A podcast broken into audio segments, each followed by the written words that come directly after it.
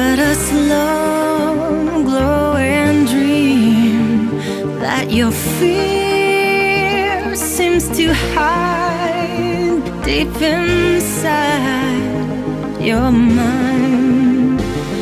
All alone, I have cried silent tears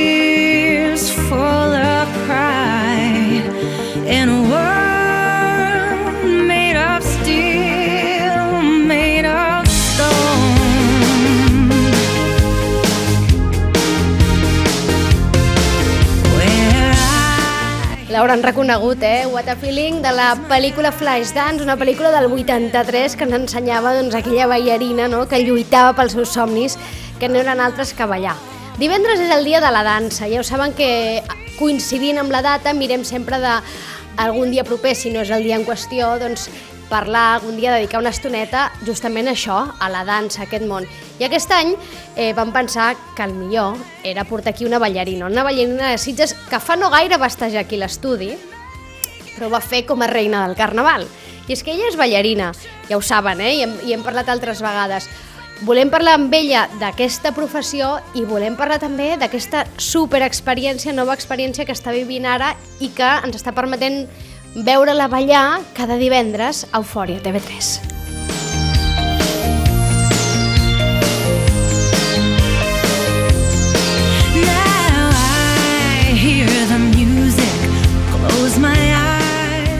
Com a bona ballarina, quan sent la música ja es mou, eh? Sol, què tal? Benvinguda. Hola, què tal? Moltes gràcies. La cançó, ets joveneta, però la cançó la coneixes, eh? Home, és mítica. ja has vist la pel·lícula, m'imagino, també, home. no? Buscàvem un, una sintonia que ens pogués obrir o donar peu a aquesta conversa que volem dedicar a la dansa i jo et vull preguntar, Sol, quan vas començar a ballar? Pues mira, això ho vaig explicar fa poc, no sé a on, crec que amb algú de Carnaval, però la primera vegada que vaig pujar a un escenari per fer un ball era amb dos anys, era a la guarderia. Llavors, des de, ja és la primera vegada, òbviament, després pues, potser he estat menys, més temps sense ballar, menys, però sí que, que seriosament des dels 12. Des dels 12. Sí. I a on vas començar a ballar? Vaig començar a ballar, bueno, al Prado, a l'Esplai de Dansa Casino Prado. Sí que és veritat que abans ja havia ballat perquè jo feia natació sincronitzada.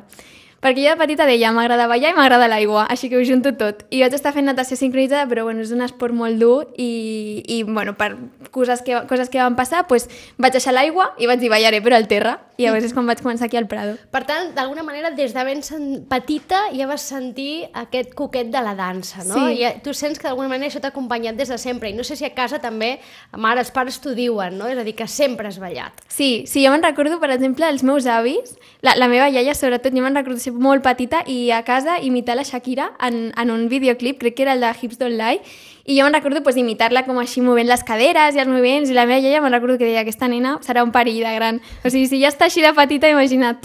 Després et deies, vas formar-te a l'esplai de dansa de, del Casino Prado, que és com l'escola per on tantes i tantes nenes, i també nens, eh? perquè darrerament també estem veient eh, nens i alguns fins i tot amb carrera, han passat. És una bona escola de dansa? Per mi és la millor. Aviam, queda dir jo, però sí, és, és molt bona. Els profes que hi ha, eh, tots són increïbles, tenen un llarg recorregut, eh, molta experiència a la seva esquena i crec que tenen tant a portar als seus alumnes que, que és una escola molt de nivell. Mm -hmm. I per, òbviament, Sitges és un poble que no és que sigui així qualsevol cosa, que tot, tot el que té és de nivell, però en la dansa crec que a vegades queda en l'oblit i el nivell que hi ha és molt gran. Sílvia Paretes, hola. Hola, bona tarda. Què li has de dir a la Sol? A veure. A la Sol, què li haig de dir-li? Doncs que continuï el camí que està seguint amb més força i amb més passió, que en té moltíssima, que pot arribar molt lluny. Mhm. De fet, ja heu arribat, ara ens explicava ella aquests inicis no? a, a, a l'esplai de dansa de, del Casino Prado. D'alguna manera, Sílvia, tu ets la mentora de la Sol com de tants altres ballarins que estan fent carrera. Eh? Jo no sé eh, com es viu això. Doncs això es viu doncs, amb molt orgull, amb molt orgull, i la Sol és una noia que des de ben petiteta ella sempre ha estat al peu del canyó i a les seves classes, totes les correccions, totes les, els nous aprenentatges i tot, sempre ha fet cas en tots els professors i el Quique i la Míriam doncs, l'han ajudada moltíssima a poder tirar endavant el seu aprenentatge. I una cosa molt important que té la Sol, que ja sabem que ella és una ballarina de hip-hop, sí, ben, ben posada, on veiem que es mou lliurement i molt precisa amb els seus moviments de hip-hop que ha pres a les classes de hip-hop, el que el que ens agrada molt a l'escola és que combina altres disciplines, vale? perquè ella a part pren classes de jazz, de clàssic i de contemporani, i això és el que l'està formant com una bona bailarina. No només ballar xi-xi-xi i ja està, no. Ella sap clar, ella sap que tota aquesta precisió, que tot aquest resum de les tècniques és el que faran que, que es pugui comuni- comunicar molt bé amb el públic perquè el seu don natural i el treball físic pot arribar molt lluny. Sílvia, jo no sé si recordes eh, quan va arribar la Sol a l'escola, si ja des de ben petita eh, ja va despuntar, i del seguit d'alguna manera ja vas notar que aquesta nena això li agradava molt i que es, tenia molts números per acabar-s'hi dedicant. Sí, la Sol va començar fent hip-hop amb la Míriam i el Quique, però després en seguida se'n va donar compte que tenia que fer més tècnica. I me'n recordo que jo sempre li deia, vine a fer clàssic, vine a fer clàssic. I ella va començar fent clàssic amb el grup de les mames, vale? perquè primer li feia una mica de vergonya, això és d'anar amb mallot, ella acostumava a anar amb les seves samarretes de hip-hop i tot això li feia una mica de vergonya, però mica en mica es va anar posant les piles i realment pues, va arribar a examinar-se de la Royal, té el grau intermig, i hasta es va examinar de puntes i tot, oi, Sol? Sí, sí, no m'oblido, no. Per tant, la formació importantíssim. Sílvia, aquesta setmana se celebra el Dia de la Dansa. Sabem que eh, teniu un munt eh, d'espectacles, com sempre, l'espai de dansa del Casino Prado també sempre present en aquest dia, eh, en aquesta celebració. Sí, sempre present, sempre present i amb moltes ganes. Mira, ara, si vols, nena, saludeu a la Sol. Hola. Home, és que la Sol és la ídol de totes les nenes de Sitges, diria jo, eh? És la nostra ídol, és la nostra ídol. Ara anem amb elles, anem a ballar a la, a la biblioteca Uh -huh. I ens, ha- ens has enganxat aquí, estem assentades al racó de la calma parlant amb vosaltres. Uh -huh. Doncs t'ho agraïm moltíssim que, que ens hagis atès. No sé si li vols dir alguna cosa, Sol. Que m'ha fet molta il·lusió. Si just ara li he dit, Sílvia, vaig a la ràdio i em diu, tira, tira cap allà. Clar, jo he dit, tira, tira, perquè nosaltres hem de- d'entrar a la fica a la biblioteca. A l'entrada Sílvia tenia pressa i per això aquesta trucadeta havia de ser a primera hora. Sílvia, moltes gràcies com sempre i feliç dia de la dansa. Moltes gràcies i la Sol pues, ja sap que té tot l'apoyo de l'esplai de dansa, de tots els profes i que sempre que necessiti alguna cosa allà estarem per ajudar-la amb ell i amb tots els que han passat per la nostra escola. Gràcies per tot, Sílvia. Gràcies, Vinga. Sílvia. Un, un petó, adeu. Que mones les nenes, Sí. eh? Això, eh, m'imagino que això és producte també, ja ho era, eh? Perquè la Sol era d'aquelles que, mar... que d'alguna manera deixava empremta entre les nenes que anaven a l'esplai de dansa, però clar, això de, després de ser reina del carnaval, Sí. deus anar pel carrer i deu, ja ho deus notar, no? Sí, a vegades noto com... O sigui, tampoc és reexagerat, però sí que potser alguna nena es queda com ai, és ella, saps? En plan, i jo penso, però Clar. si soc una persona normal. Clar, el que passa que a més a més tens aquesta característica del cabell, no? Que Sí. de seguida em, és fàcil eh, reconèixer, no? Aquest cabell Sí. llarg, arrinxolat que té, que aleshores de seguida eh, detecten. Tornem al- a, a la dansa, ens parlaves de- d'aquests inicis, ja ens explicava la Sílvia, no? Que tu vas començar d'alguna manera amb el hip-hop aquí. Sí, sí, sí. Vaig començar fent hip-hop i mira que també és, bueno, no raro, però clar, venia de la Sí. sincronitzada, que allà ja feia una mica de ballet o més en clàssic el, el ball el moviment. I, I no sé per què. Bueno, una amiga em va dir que s'apuntava a classes i va dir vine amb mi i jo vaig dir vinga amb tu. I ja està. I vaig començar aquí al Prado amb el Quique i la Míriam, que jo tenia doncs, 12 anys. I poc després, jo diria que si no és aquell curs, al següent curs, la Sílvia ja m'ha dit, tu has de fer ballet. I jo me'n recordo que era en plan, "Uf, jo he de fer ballet, en plan, no sé si m'agrada. I el que deia la Sílvia em feia vergonya anar amb mallot.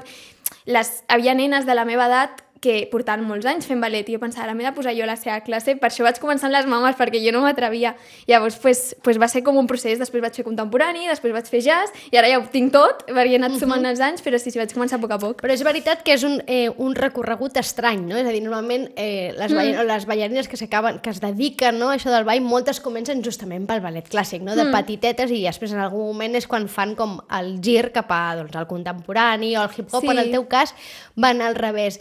I jo no sé si en aquella primera classe de hip-hop si la recordes, aquella primera classe. Jo recordo ha classe de hip-hop. Jo me'n recordo que vaig, vam ballar una cançó de Lady Gaga, es deia Applause, i, i me'n recordo fins i tot de la coreografia, o sigui, la, la tinc gravada al meu cap i me'n recordo pues, això que la meva mare estava a la porta, que abans era la classe de dalt i que Sí. estava a la porta a les escales amb una porta de vidre que hi havia, que parlava amb la Míriam, rotllo, bueno, pues vindrà a la classe i jo estava a dintre i, i ja està. I, o sigui, no me'n recordo, òbviament, de, de tants, molts més detalls, però sí que és un dia que, no sé, mira, recordo. Mhm. De seguida vas sentir que servies per això? No sé, o sigui, encara, no és que ho dubti, però és tan complicat aquest món que a vegades penso, estic a la talla, estic a l'altura, ho estic fent bé, llavors en aquell moment és que ni m'ho plantejava. O sigui, sí que pensava, bueno, sé veure, sé, sé seguir els profes, sé seguir les coreografies, però no arribava a pensar en plan, serveixo per això, perquè no arribava a entendre que es pot arribar a servir, saps? I vas començar a formar-te, eh, creixes, i en quin moment decideixes que això de la dansa vols que sigui alguna cosa més que un extraescolar, no? O que un hobby. Doncs mira, o sigui, jo vaig acabar l'ESO i, i a mi meva mare em va dir has de fer batxillerat, has d'estudiar.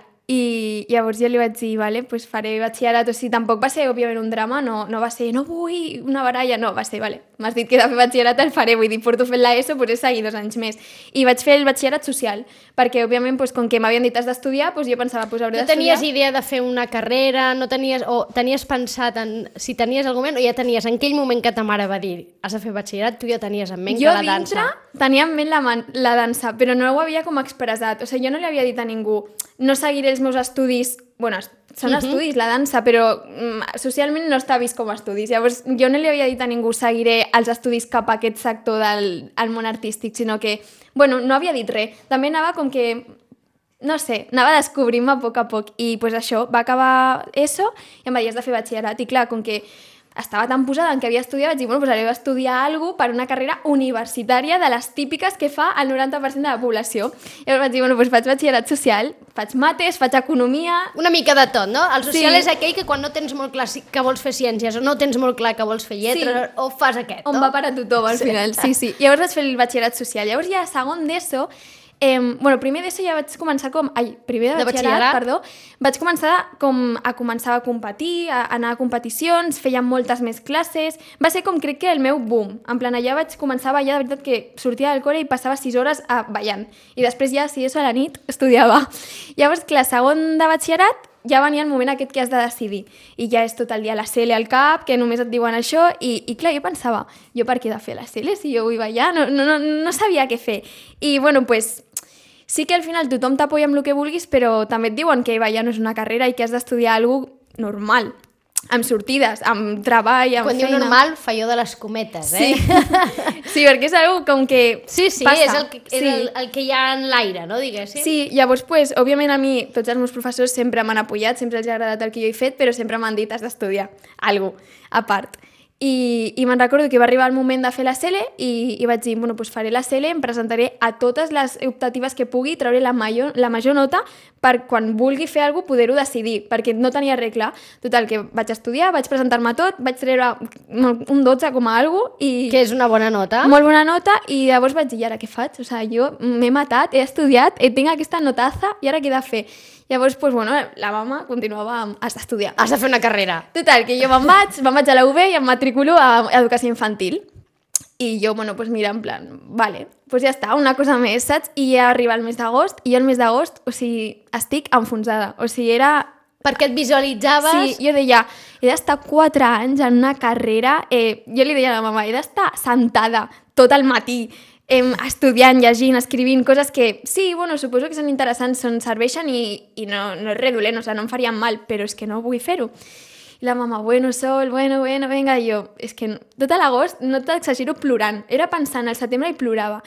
I va arribar el setembre, llavors ja vaig tenir el meu clímax de plorera, i li vaig dir, mama, jo no vull fer això. I em va dir, mira, fes el que vulguis, però vull que siguis feliç. Em va dir, sentada a casa no et vull, fes el que vulguis, però has de fer alguna cosa. Sentada gaire no ho estàs, eh? No. I llavors me'n recordo que la carrera començava un dijous i aquell dilluns vaig anar i vaig demanar que m'anul·lessin la matrícula, em tornessin els diners i allà vaig començar... I aleshores què vas fer?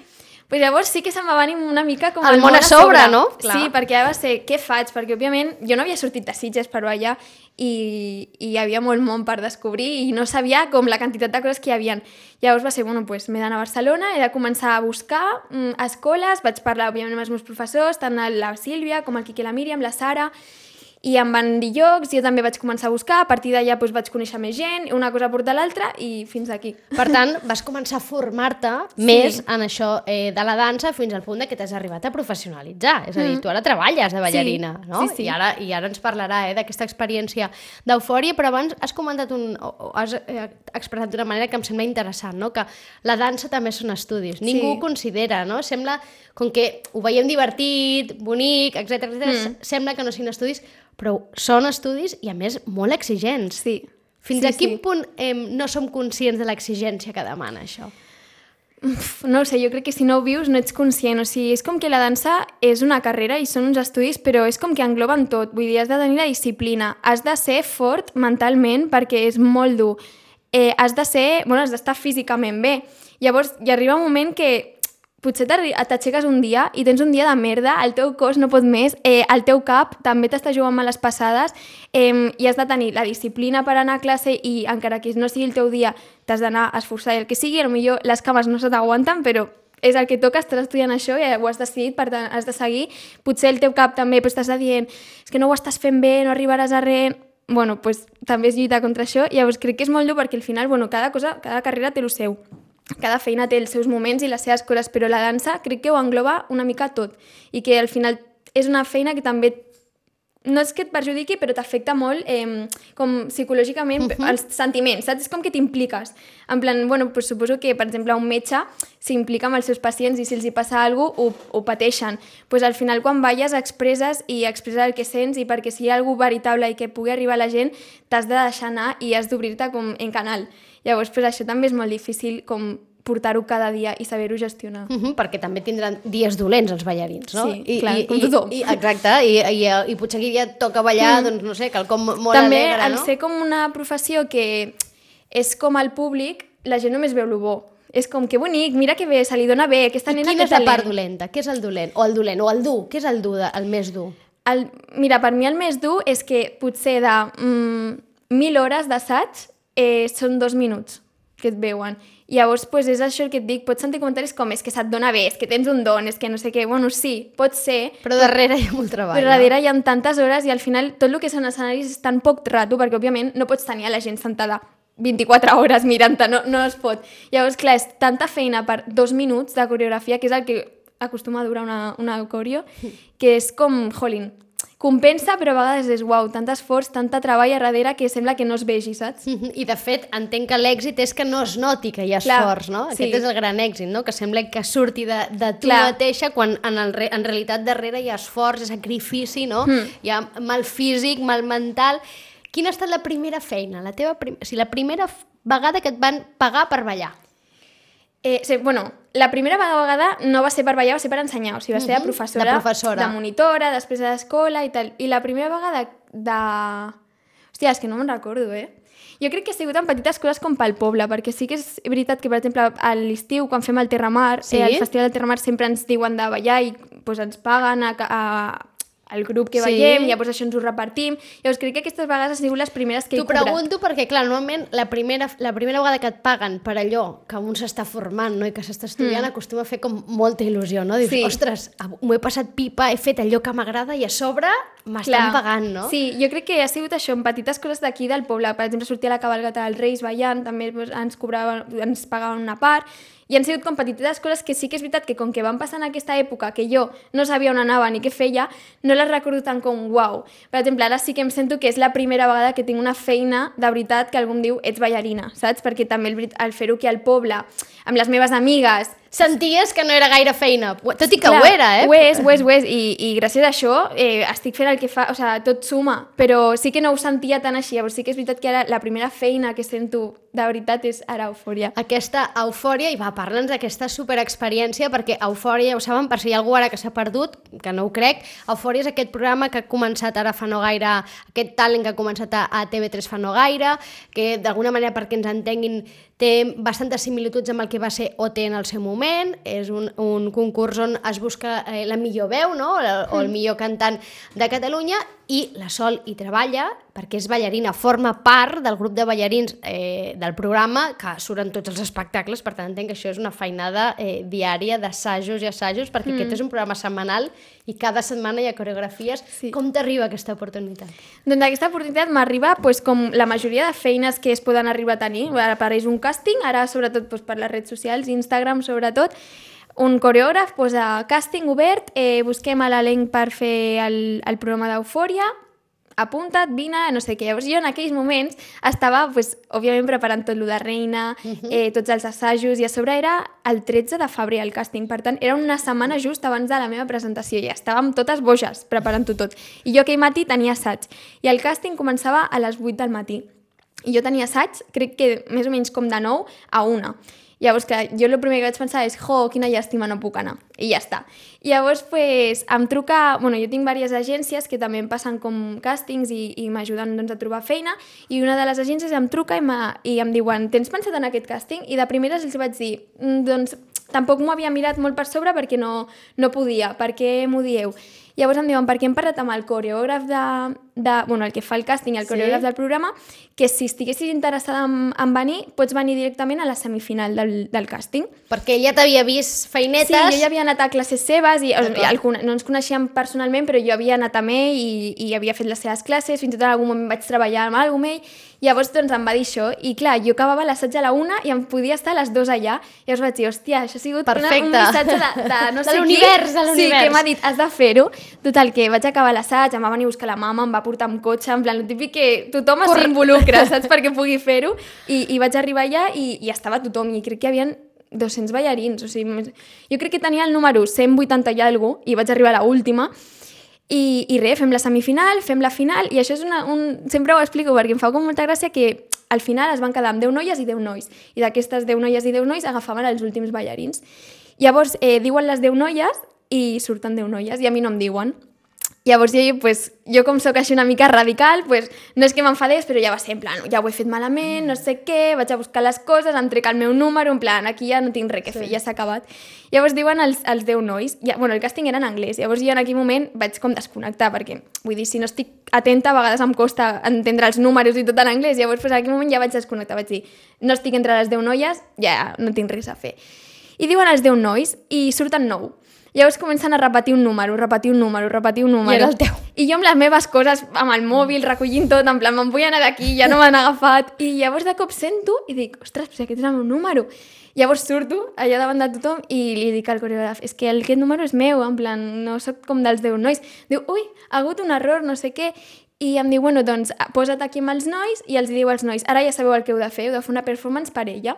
I, i tu t'has de creure que ets la cantant i que ets no sé què. I jo de cop, clar, jo ja havia desconnectat de tot. I em fa ficar-me al mig allà amb tots els ballarins i, i no sé per què, tothom comença a treure els mòbils i a gravar i i va sortir superxulo i va quedar com si fos allò un, una performance. I, I del següent dia em trobo que el meu càsting a TikTok que algú l'havia penjat i algú li, o sigui, s'havia fet viral i no sé què més, i jo pensant, però una tonteria com aquesta, total, que al cap de 3-4 dies m'escriuen i em diuen que sóc una de les quatre ballarines que agafen de, de fixes. Però la primera setmana era la setmana de Carnaval. Oh. I el primer dia que jo havia d'anar al plató i tot era divendres de col·les, de- d'anar als col·les. I jo pensant, jo és que ja no sé què No més pot fer. ser, no pot ser. És que no pot ser que res quadri. Llavors, pues, me'n recordo estar al Prado fent l'assaig general i jo parlant per telèfon, plorant, perquè òbviament aquí me'n vaig fer un drama perquè era en plan, jolín, és una feina, o sigui, és que era la primera feina gran que m'arribava. I l'Anna i la Maria, els caps de colles, em deien Sol, mm, és el que ha, saps? I jo, vale, i els hi vaig dir en aquell moment, doncs no compteu amb mi, en plan, ho sento molt, i els hi vaig dir, si us plau, si en un futur em necessiteu, aquí estoy, saps? Això és només una setmana. Llavors em va dir, vale, ho entenem, no sé què, no passa res, van agafar altres noies. I llavors la següent setmana ja em va dir, comptem amb tu, i a partir d'ara he estat totes les setmanes. I ja no pensa que faltar cap més setmana. L'experiència ha estat molt xula. Ens parlaves dels càstings. Com és aquest món dels càstings? Perquè, clar, el veiem... Eh, tots l'hem naturalitzat una mica, l'hem interioritzat arran justament d'aquests programes, no? Com OT, tots Sí. aquests talents que hem vist i que ens mm, eh, televisen els càstings, no? Són tan estressants com semblen? Són durs, perquè al final... Vull dir, tu sí, o sigui, hi ha molta gent que vol, encara que no sembli, hi ha molta gent que es dedica a això i hi ha molt poca feina. Llavors hi ha gent que porta molts anys i que ja té una trajectòria, té un... Bueno, té un, un currículum a la seva esquera. I llavors, clar, els directors de càsting o qui busquen aquestes, a, aquests mm, treballadors Sí. per fer les feines, eh, òbviament es fixen en aquestes persones que ja porten treballant molts anys, que ja saben que ho fan bé, que saben que poden confiar en ells, que ho faran bé. Llavors, clar, és molt difícil sent jove i que no t'han vist mai, de cop que algú et vegi i confiï Destacar, en tu. no? Sí, sobretot però perquè és això. També hi ha queda feo dir-ho així, però hi ha molts amiguismes i, i contactes, llavors, òbviament, en plan, és normal, si jo sé que puc confiar en una persona, que sé que em farà la feina bé i sé que em, també em sortiré jo beneficiat d'això, òbviament confiaré en ella.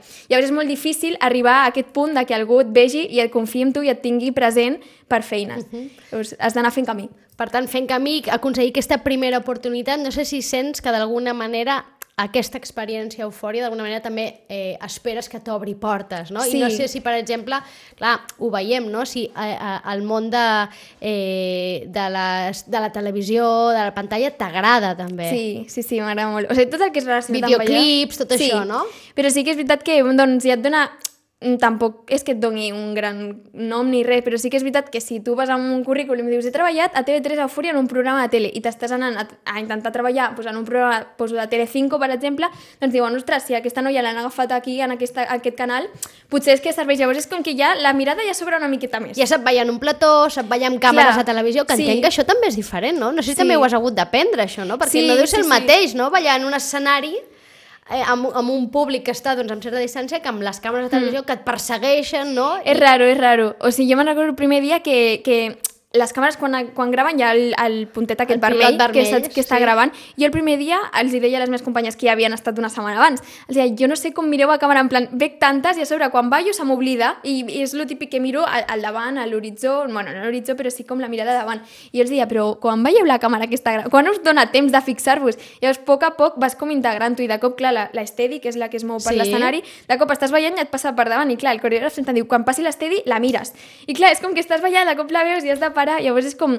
Vull dir, és un món, és un... Sí. Eh, T'està portant assajos diaris, aquesta feina? No et pensis, eh? No? No, assagem un dia i ja està. Un dia a la setmana? Sí. I feu totes aquelles coreografies Sí. amb un dia a la setmana? Sí. Caram, a mi la capacitat memorística i mnemotècnica que teniu els ballarins m'al·lucina, perquè mm. com teniu aquesta capacitat de memoritzar coreografies? Una... A més, clar, quantes coreografies feu en aquest programa aproximadament? Més o menys unes 7, potser 8. Caram. Depèn del programa, però sí, sí. I ara, sobretot, que hi ha menys eh, concursants, les còrios duren 3 minuts. Llavors són més còrios. O sigui, no, potser no són tantes còrios, però són més llargues. Llavors, això de memoritzar s'entrena. O sigui, és algo que mm, els ballarins eh, ho, ho entrenem i intentem treballar-ho. No per... és, sembla molt lògic, potser, anar al gimnàs i ficar-te fort. pues és també molt lògic per nosaltres anar a classes només per a, a fer que la, ment es despeji i, i vagi més ràpida. Llavors, això es treballa. I enganxar ràpid els passos, no? Que te'ls ensenya, Clar. perquè a més m'imagino que aquests professors no són quan anem nosaltres a fer zumba al gimnàs, saps? Vull dir, No. no t'ho repeteixen 25 vegades, els fan No, un clar, passi i l'has sí. d'agafar, no? L'has d'enganxar la primera. L'has d'enganxar la primera i també has d'estar com disposada a canviar-ho, perquè també passa molt que ens ho ensenyen al matí, nosaltres assagem en una sala de, de ball normal i corrent i després anem a plató.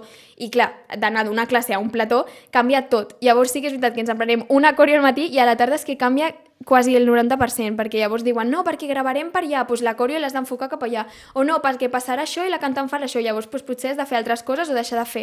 Llavors sempre canvien. Llavors has de- has d'estar disposada a rebre tota la informació i a saber-la canviar en un instant. Mhm. Sol, eh, cap a on mires, no sé si penses en cap a on vols enfocar, queda clar que cap al món de la dansa, eh, però que, mm, si, si veus, si t'agrada molt el tema aquest de les càmeres, el tema eh, videoclips, tele, t'agrada molt això i vols enfocar-te cap aquí, si una de ser, quan és ballarí, de ser ment open mind, no? I una mica el que vingui, no sé una mica què és el que, cap a on vols enfocar-te. pues, sí, has de ser open mind, perquè hi ha tan poca feina que si a sobre dius només vull treballar a tele, mmm, treballaràs poc. Llavors sí que és veritat que el que vingui m'a- m'agradarà tant si és tele, si és videoclips, si és musicals eh, i escenaris, eh, si és una gira amb artistes, cantar, o sigui, ballar en escenaris amb, acompanyant artistes que cantin, qualsevol cosa. Mhm, Com ara aquests, ara m'ha vingut al cap, eh? eh que no sé si ballarines com tu, quan veieu espectacles com per exemple aquell de la Super Bowl del 2020 de la Jennifer López i la Shakira, no? amb aquells cossos de ball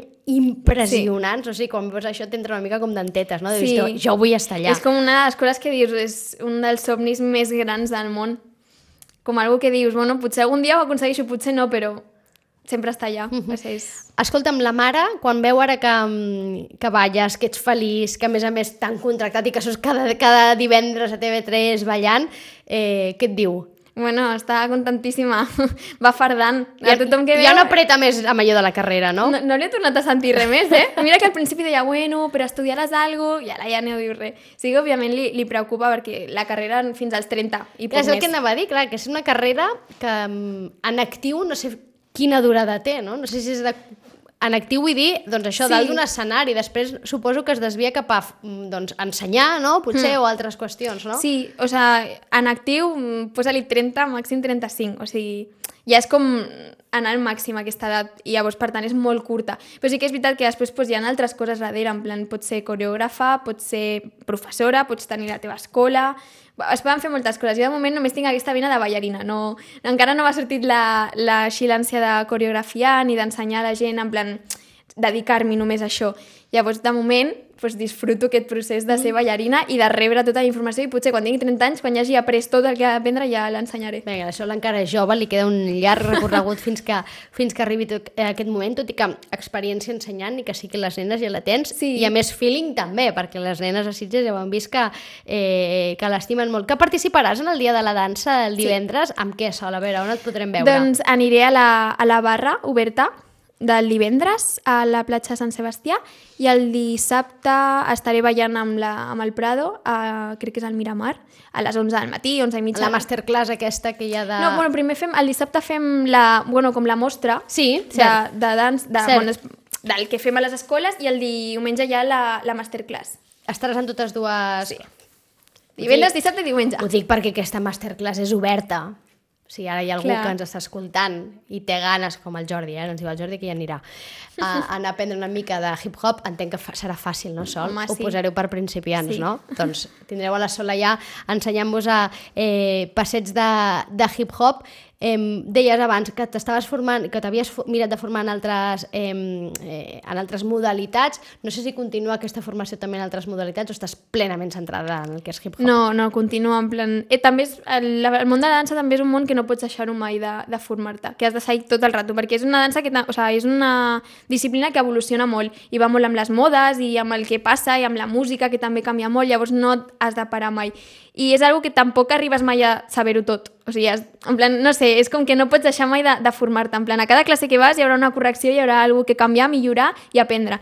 I per tant segueixo. Sí que és veritat que tinc menys temps, però a la mínima que, que tinc un ratet vinc sempre aquí al Prado, ja sigui a les 10 del matí amb les mamis a fer ballet, a les 9 de la nit, a les 4 de la tarda amb el grup de joves, o sigui, em fico qualsevol classe mentre Sents una mica que és casa teva, no? Aquí al Prado. Sí, sí, sí. Ah, ja et dic, vaig a classe amb nenes de 15 anys, amb senyores de 50, mm, m'és igual, però mentre pugui anar a classe. Mhm. Eh, és un món també que d'alguna manera connecta molt fort amb el món de la música, amb el món del teatre. No sé si també eh, experimentes per aquesta banda, perquè eh, penso que tens coneixements musicals. Sí. Oi que tens coneixements musicals? I no sé si també experimentes i t'agradaria també poder experimentar per aquesta banda, no? Pues per la part de, eh, més musical o fins Mm. i tot la part més d'interpretació, de, eh, de, eh, d'interpretació, no? Sí, m'he format una miqueta en cant, perquè és algo que jo abans, sobretot quan era més petiteta, també tenia molta fixa, fixa, fix, fixació, Fixació. en els musicals. La meva mama també treballa pues, en, en un sector més així del teatre, i llavors vaig començar com a viure un molt de prop i sí que va ser com el primer impacte de uau, un escenari, ballarins, llavors vaig dir, bueno, he de saber cantar, ni que sigui afina. Llavors vaig estar formant-me uns anys amb cant i després ho vaig deixar perquè no tenia temps, era l'època de batxillerat i, i ja està. Però sí que és veritat que aquesta base m'ha servit moltíssim, he pogut fer molts càstings de, de musicals que òbviament t'ho demanen i, i m'ha servit molt i encara no m'han agafat a cap musical però sí que he arribat com a moltes fases finals i m'he quedat a les portes. Llavors sí que, que m'ha servit i que és necessari. Per exemple, d'interpretació no he fet gaire però la dansa com que és també interpretar és una que també ho portes una mica dintre. O sigui, òbviament he de treballar-ho i em falta molt i he d'aprendre moltíssim en aquest aspecte i m'ajudarà moltíssim però sí que és una que està tot una mica relacionat. Llavors cantar no tant, però interpretar i ballar, encara que semblen dos mons molt diferents, estan lligats. Uh -huh. eh, deies, ara he anat a molts càstings, a molts m'he quedat... Què du això també de fer càstings i arribar a aquesta etapa Sí. final i que et diguin que no i que tu gestionar això també sol, no? Sí, sí, la veritat és que sí, en plan... No sé, de... Mm, 200 càstings et diuen si hi ha un. Llavors, clar, a vegades és el que et deia abans, que el cap et juga en moments d'usos perquè al final és no serveixo, no em volen, no faig bé, mm, i moltes coses d'aquestes que no són veritat, però òbviament és com molt difícil no pensar-les. Llavors, és veritat que a sobre arribar a tantes fases finals i quedar-te a les portes és com què em falta perquè em diguin que sí. Llavors, bueno, arriba un dia que et diuen, que diuen que sí i després d'aquest sí venen encara 200 més nos. Però... Que és com un constant, això, no? És com que... És, És una... que el raro és que et diguin que sí. Clar, en plan... és, és una feina en la que constantment t'estan posant a prova, que pot- probablement en totes, no? però en aquesta mm. feina és la sensació que fa des de fora és que us esteu examinant cada dia, que una mica Sí. tots, perquè aquí també amb el micròfon també ens examinem, no? Però, Però és com més explícit, no? Sí. Perquè, clar, entres a una sala amb, uns, amb un jurat, senyors, senyores, que estan sentats amb un paper escolta'm, ara que parles d'aquesta sala, a veure, anem a visualitzar. Abans parla... començàvem amb la cançó aquesta de, de Flashdance, la de What a Feeling, eh? Sí. Jo no sé si la recorden, aquesta cançó apareix és l'escena final de la pel·lícula, justament quan eh, la protagonista, la noia, entra, fa aquella coreografia espectacular davant en un càsting, Sí. En un càsting que és una sala, eh, en aquella època el que es veu és una taula amb un munt de senyors encorbatats fumant puros, fumant, perquè en aquella època ja sabem que es fumava tot arreu, senyores que eren les, que, que, aquestes típiques eh, professores de, de ballet que es veu senyores estirades amb el cabell així com repentinat cap enrere, són així els càstings? Sí. Continuen sent així? Potser- Sense el tabac, però el Clar, mateix, no? Sí, potser ja no són tan estirades i són una mica més ment oberta, però sí, sí, entres a una sala, hi ha una taula, tenen papers i fotos teves, balles, després de ballar és entre ells, no saps què diuen, no saps què passarà. I què fas? Què fas? T'has de quedar quieta allà? Sí, et quedes quieta, llavors el teu cap comença a pensar de tot, et diuen, o hi ha dues opcions, o vale, moltes gràcies, en plan, espera fora, decidim, després entres i et diuen sí o no, o ja te llamaremos. que sembla molt tòpic, però és que passa. El ja trucarem, Sí. diuen, i això vol dir que normalment què vol dir? Normalment, o sigui, pots tenir opcions, perquè, per exemple, en aquest que vaig fer d'Eufòria, jo vaig arribar allà i van dir els 10 últims, i allà van dir, ja us direm alguna cosa. Potser no és una trucada perquè ara tots són mails i, i coses així, però sí que va ser així. Llavors, a vegades passa, que sí que et truquen, però encara ho diuen. Sol, eh, els que et seguim a través d'Instagram veiem que també, eh, d'alguna manera, les xarxes s'han convertit una mica com una espècie de currículum viu, no? És a dir, aprofiteu tots aquests que us dediqueu, en aquest cas, al món de la dansa, com Sí. per penjar aquí les vostres feines, no? I eh, les vostres formacions, els vostres aprenentatges, us exposeu, us exhibiu una mica, Sí. no? I no sé si serveix això, si s'hi fixen. És que és, és rar, sembla raro dir-ho així, però a mi no em demanen el currículum, em demanen l'Instagram. I, i demanen, em demanen veure fotos que jo em faig o, o balls que penjo, veure a quines classes vaig, a quins professors, quins estils puc arribar a fer. O sigui, és raro ara, a, a dia d'avui, que em demanin el meu currículum. I et demanen quants seguidors tenen? O, o, No. o, o miren? Això no, eh? Però No. sí, que mir, sí que et demanen a l'Instagram Sí. perquè allà se suposa que és com, com el teu currículum, no? Sí, clar, ja, normalment, òbviament, si, si jo, per exemple, estic a Eufòria, és lògic que jo pengi alguna d'Eufòria, o si estic en un concert a Los Angeles amb no sé qui, és lògic que penjaré una foto que estic allà, que he treballat per tal persona, perquè, mira, el món avui en dia és així, volem ensenyar tot el que fem. Llavors, per ells, és com una manera de... Clar, t'ho pregunto perquè de vegades, potser vist des de fora sense el coneixement que ara ens explicaves, no? algú pot pensar que hi ha una mica com d'impostura en aquest món, no? Eh, Tota aquesta part de les fotos, no? de tantes fotos, de poses, de no sé què, que dius, home, aquesta cosa, una mica com de, de posturets.